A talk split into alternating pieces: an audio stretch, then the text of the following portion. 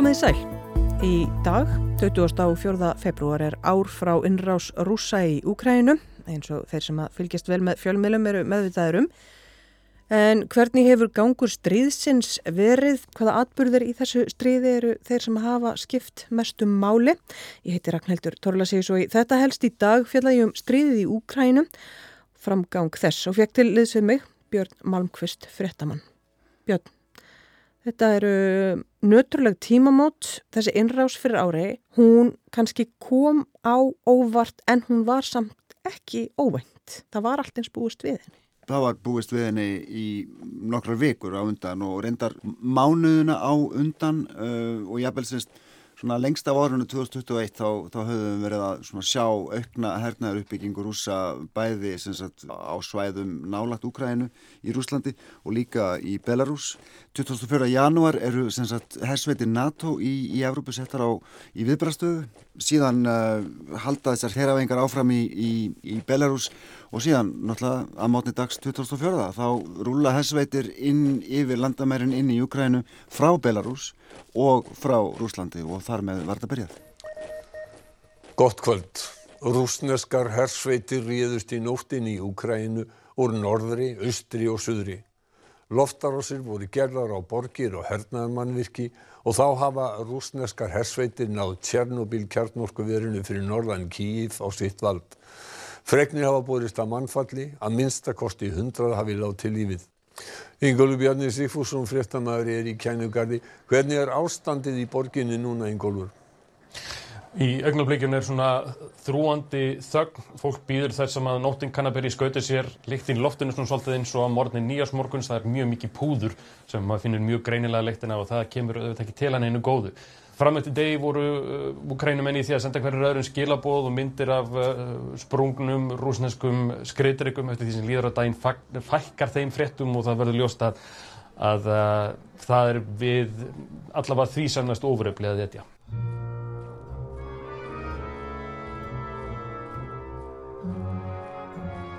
Þetta var Ingólfur Björni Sigfússon, fréttamaður í KF Kænugarði fyrir ári á innrásardaginn. En Pútín Rúslandsfósiti hann hefur ekki kallað þetta innrás heldur sérstakka hernaðaraðgerð til að vernda rúsa í landinu.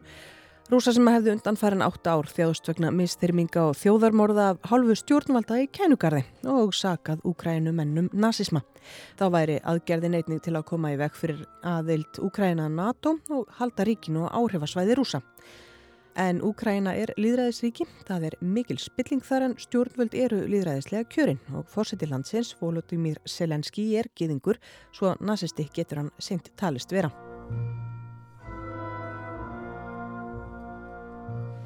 Rússar komust hrattað útjæðri höfuðborgarinnar en öllum að óverum. Þá tókst rúsneska hernum ekki að ná kýf.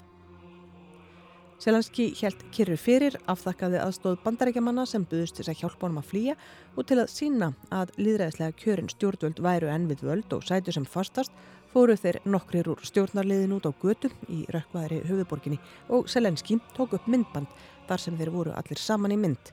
Всім добрий вечір. Лідер фракції тут, голова Офісу президента тут, прем'єр-міністр Шмигаль тут, Подоляк тут, President tut. Og þuldi upp einn af öðrum, liðtói stjórnarflokkana er hér, skrifstofustjóri fórsættaskrifstofunar er hér, fórsættisráþæran er hér, aðstóðamaður minn er hér, fórsættin er hér. Slava našim захисникам, slava našim захисницям. Slava Ukraín. Slava. Selenski var fljótt mikil hetja í augum landsmanna og íbúa Vesturlanda líka og hann bersinlega nær til stjórnmálamanna á Vesturlöndum. Hann herjar á saminsku þeirra, fer fram á vopn og stuðning og fær þó það megi deila um hvort það sé nóg og hvort bröðist sé nægilega rætt við. Þegar að það voru nokkri dagar liðnir af stríðinu í byrjun mars þá ná rússarborginni Khersson sem er Hafnarborg í austrinu. Það búa um 280.000 manns og þar er líka mjög stort kjarnorkuver. Það var mikilvægt fyrir rúsa að ná Hersson, svo náðu Ukrænumenn borginir reyndar aftur í vetur. Af hverju er Hersson svona mikilvæg? Já, hún er náttúrulega höfuborg og Hersson hér aðsins. Hún stendur við á nátt Nýbrá uh, hún er mikilvæg Harmaborg, hún var líka svona liður í sókn rúsa vestur eftir suðurströnd Úkrænu, þar að segja við svartahafið mm -hmm. uh, þeir ætluði sér lengra þeir ætluði sér til Odessa mögulega náðu ekki þangað, en þeir náðu Kherson og reyndar sko bardaga löst ef ég mann rétt, Úkrænmenn hörfuðu þaðan uh, í upphæfi stríðs það var mikilvægur áfangi í sókn rúsa. Uh, síðan gerist það eftir í rauninni að Úkrænumenn fá betri og nákvæmari stórskotaleysvopn eftir því sem að líður á síðasta ár. Þá eru þeir meira færir um að skemma byrðaleiðir uh, rúsa yfir anna það er að segja brýtnar og, og sérst, svona aðflutningar rúsa og það kom að því bara sint á síðasta ári að, að, að rúsar í rauninni sáu sér ekki lengur fært að halda úti setuliði og herliði í Hersson yfirgáðu borgina, fóru yfir ána og úkrænumenn komu aftur inn og endur heimta borgina.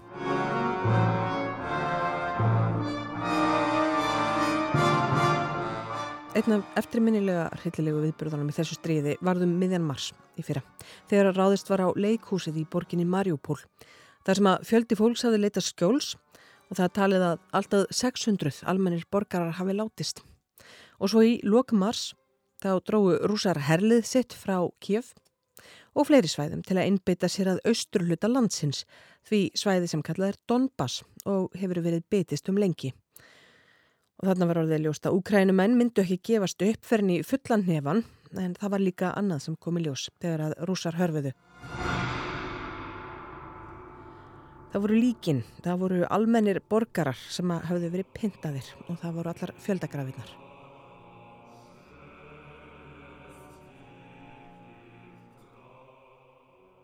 Já, það er nú svona kannski það er margt ljótt við þetta stríð en þetta sem kom í ljós eftir að það hörfuðu frá útkvarum Kiev var kannski svona með því ljótara sem við höfum séð. Eh, það voru vísbendingar um fjöldamorð það voru vísbendingar um stríðskleipi á skala sem að já, við höfum ekki séð í áratíði. Það voru vísbindingar um aðtæfi rúsneskra hermana þar sem að, já, sem er núna verið að rannsaka sem stríðskleipi. Eh, það voru fjöldagrafir í, í bæjum eins og Butja og Irpin. Þetta kom allt í ljós eftir að rússar í rauninni þeim mistókst að sækja inn í Kiev. Þeir voru stöðvæðir fyrir utan borgina og þeir voru reknað tilbaka, til dæmis með stanslösum árásum á byrðalínur sem voru mjög, mjög, mjög langar og, og, og allt þetta hefur síðan komið í ljós og, og sko reyndar ekki bara þar heldur líka í, í Harkif hér eða þaðan sem hefur voru hræktir síðar á ornu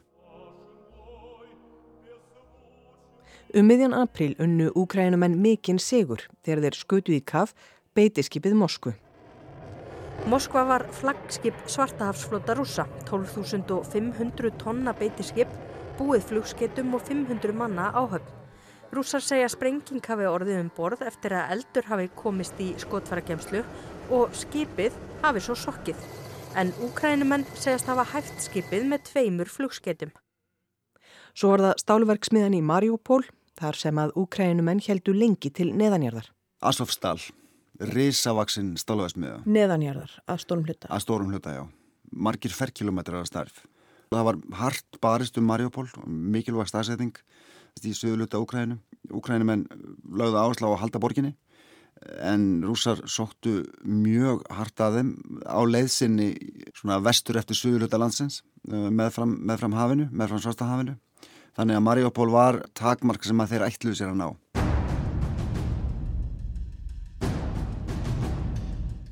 Og þeir náðu því á vendanum. En það var ekki fyrir en eftir að síðasta víi úkrænumanna sem var Asofstál stáliði verið, þessi gríðastóri vespiða, það sem að voru fleiri hundruð herrmenn og reyndar borgarar líka sem hefðu flúið ángað úr, úr íbúa hverjum borgarannar sem, haf, sem hefðu haldið þar til í margar vikur og það var nokkuð ljóst að það var barist aðna til síðasta manns. Það voru ekki nema nokkur hundru herrmenn sem komist lífsaf úr, úr þeim bardaga Asofstal var kannski ekki strategísk mikilvægur staður fyrir hernaðin, sérst hvorki fyrir úkrænumenn niður rúsa því úkrænumenn voru búin að tapa borginni sjálf og sér. Já, það var ekkit verið að verja verksmiðuna því að það sem að væri, færi fram þar væri svo mikilvægt. Í sjálf og sér ekki, nei, hún nei. var, var löngu komin í rúst mm -hmm. í mhm. rauninni sko út af stanslösum árásum og stanslösum bardögum en hún varðað einhverju tákni fyrir baráttu úkrænumanna og hún varð líka kannski taktist mikilvæg vegna þess að herrmennandi sem að þar börðust, þeir voru þá að halda hersvetum rúsa upptöknum við að ná vesmiðinni sem að þýtti þá að þeir voru ekki að berjast annar staðar á výlinunni. Þannig að í þeim skilningi hafi bardaginn eitthvað gildi fyrir stríðið í stóru samhengi en svona strategíst séð hvað, hvað landafræðina varðar þá í rauninni skiptið það engum máli. Það muna sjálfsagt margir eftir því þegar að ukrænskir hermenn á lítilli eigu, snáka eigu, sendu rúsnesku herskipi óblíðar kveðjur í gegnum talstöð. Rúsarnir á herskipinu skipiðu ukrænum mönnum að leggja niður vopn, ellegar myndu þeir skjóta og svarið frá ukrænsku hermennunum var Rúsneska herskip, fokkaði þér. Þessi eiga heitir Snákaeiga, hún er rétt við Hafnarborgin Ódæsa og þar er í raun bara lítil herstuð. Úkrænumenn náðu henni aftur í júni. Svo hófu Úkrænu her mikla gaggsókn í Karkífjeraði. Íbúar þorpar sem Úkrænumenn hafa frelsað úr höndum rúsa segja þeirra við flúið nokkuð skyndilega en fram að því beitt afar illri meðferð. Lík hafa fundist sem sína merki um pyntingar. Í september þá fyrirskipaði Putin að 300.000 manna varalið er þið virkjað. Mm -hmm. Og þetta var til þess að mörg hundruð og þúsund ungir menn þeir flúðu til nákvæmna ríkjana til þess að forðast herrkvæðningu en uh, nokkur hundruð og þúsund manns kannski það skiptir ekki svo miklu máli þegar með 300.000 manna varalið. Nei. Er þetta lið allt saman komið á vígvöldin? Það er mjög erfitt að segja sko, til um það. Uh, maður kannski les greinargerðir þeirra sem að svona grant sem að, sem að helst fylgjast með þessu sko, herrfræðingar, sko, alls konar svona fræðingar sem að hafa það af atvinnu að fylgjast með atbyrðum í Rúslandi og annars það er sjálfsög hvað heri varðar. Það er svona mat þeirra sem að gerst ekki til að, að lang flestir af þessum 300.000 eða 316.000 hef ég reyndar hert hvað nefnda. Þeir séu ef ekki komnir á vývöldin þá áleiðinni ángað. Uh, eh, rúsar, það, það hafa borist fregnir af því að þángað hafa verið sendir menn úr þessari hægkvælingu sem hafi ekki fengið nægilega þjálfun. Já, eða hvort þeir eru, bara eins og að kalla fallbessu fóður. Yfir höfuð. Rússar bóðuð til þjóðratkvæðagreðslu í fjórum héröðum um hvort íbúar þessara svæða vildu teilheyra Rúslandi. Stjórnvöldi í Ukrænum og á Vesturlöndum blása á atkvæðagreðsluna og talja hana ógilda. Pútín aftur á móti skrifaðandi plagg til að innlima þessi svæði í lok september. Hersson var eitt þeirra. Í oktober var brúin yfir Kersund, brúin sem tengir Krímskaga við meginland Rúslands sprengt upp. Það var trukkur hlaðin sprengiefni sem sprakk og skemmti brúna en eðilaðana ekki. Rússar svöruðu með árásum og orkuver og aðra líkil innviði. Og þessum árásum hefur verið áframhaldið síðan. Snemma í oktober dróðu rússar sig frá Kersonborg þar sem um 300.000 manns byggu fyrir innrásina aðeins mánuði eftir að Pútín og félagar hafðu innlifmað Kerson. Við töluðum saman björn fyrir nokkrum vikum um herrgögnin sem að Vestrænríki og þá nú kannski ekki síst verða að tala um þessa Leopard þýskust griðdregað Vestrænríki lofuðu uh, að senda til Úkrænu. Mm -hmm. Við töluðum líka um það að veri búist við því að bæði rúsar og úkrænumenn myndu hefja sókn á næstu vikum og mánuðum svona með vorinu eru skriðdreikarnir komnir og er sóknin hafin eða einhver merki um það að hún sé að hefjast? Byrjum á skriðdreikunum eða kannski byrjum á vopnunum yfir höfuð mm -hmm. vegna þess að sko úkrænuminn er algjörlega háðir stuðningi vesturveldana um vopn og vopnasendingar. Þeir áttu að vísu tilturlega stort uh, vopnabúr í, í upphafi sem er aðalega, er arleið frá sko sovjethernum í Galanda frá, fyrir 91 uh, en þeir hafa verið algjörlega komnir upp á sendingar uh, nútíma vestrætna vopna til dæmis eins og langdurera stórskotalið, spissa, eldflöga hérna, pallar og ímiskonar loftvarnakerfi, bifræðar, brinnvarðir vagnar og svo núna skriðdreikar og ekki síst skotfæri, glemum þeim ekki, það er kannski svona stóra málið sem svona vakir undir þessu öllu saman sko. Mm -hmm. Því lítið að hafa bissur eða ekki með kúlur. Mm. En það er búist við einhverjum 120 til 140 vestrænum skriðdreikum. Það er fyrstu koma sennilega ekki fyrir nýjum mass og þá komum við að sókninni sem við varst að tala um. Eh, það eru svona ákveðin merki um að um að tempo eh, rúsa, uh, ef við tölum um tempo í skilningum, hvað er að gera á vikstöðunum, mm -hmm. það er ákveðin merkjum að tempoðu sé að aukast uh, aðalega á svæðinu sem að, sem að stundum með kalla Donbass, þar að segja Donetsk og Luhansk uh, héröðin. Þar hefur výglinan ekki hrefst í marga, marga, marga mánuði á stöðum eins og Bakhmut sem hefur verið mikið í fréttum. Það hefur verið hart barist um svona ákveðna bletti sem að hafa kannski takmarkaða svona strategíska þýðingu fyrir hernaðin í stóru samengi en uh, Bakhmut hefur til dæmis líka orðið að einhverju svona tákni velgengni sem að rúsa vilja endilega, sko, þeir vilja endilega vinna einhverja sigra. Það búast allir við sóknrúsa í vor, eh, jafnvel á næstu vikum. Það búast líka allir við sókn úkrænumanna.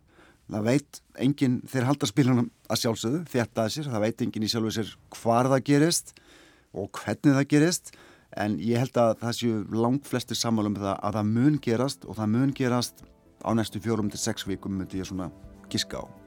Björn Malmqvist, takk fyrir komuna. Ég heiti Ragnhildur Torlasíus og í dag fjöldluðum við um Úkrænu og streyðið þar sem nú hefur staðið í ár. Takk fyrir að leggja vel hlustir við heimstaftur. Við þið sæl.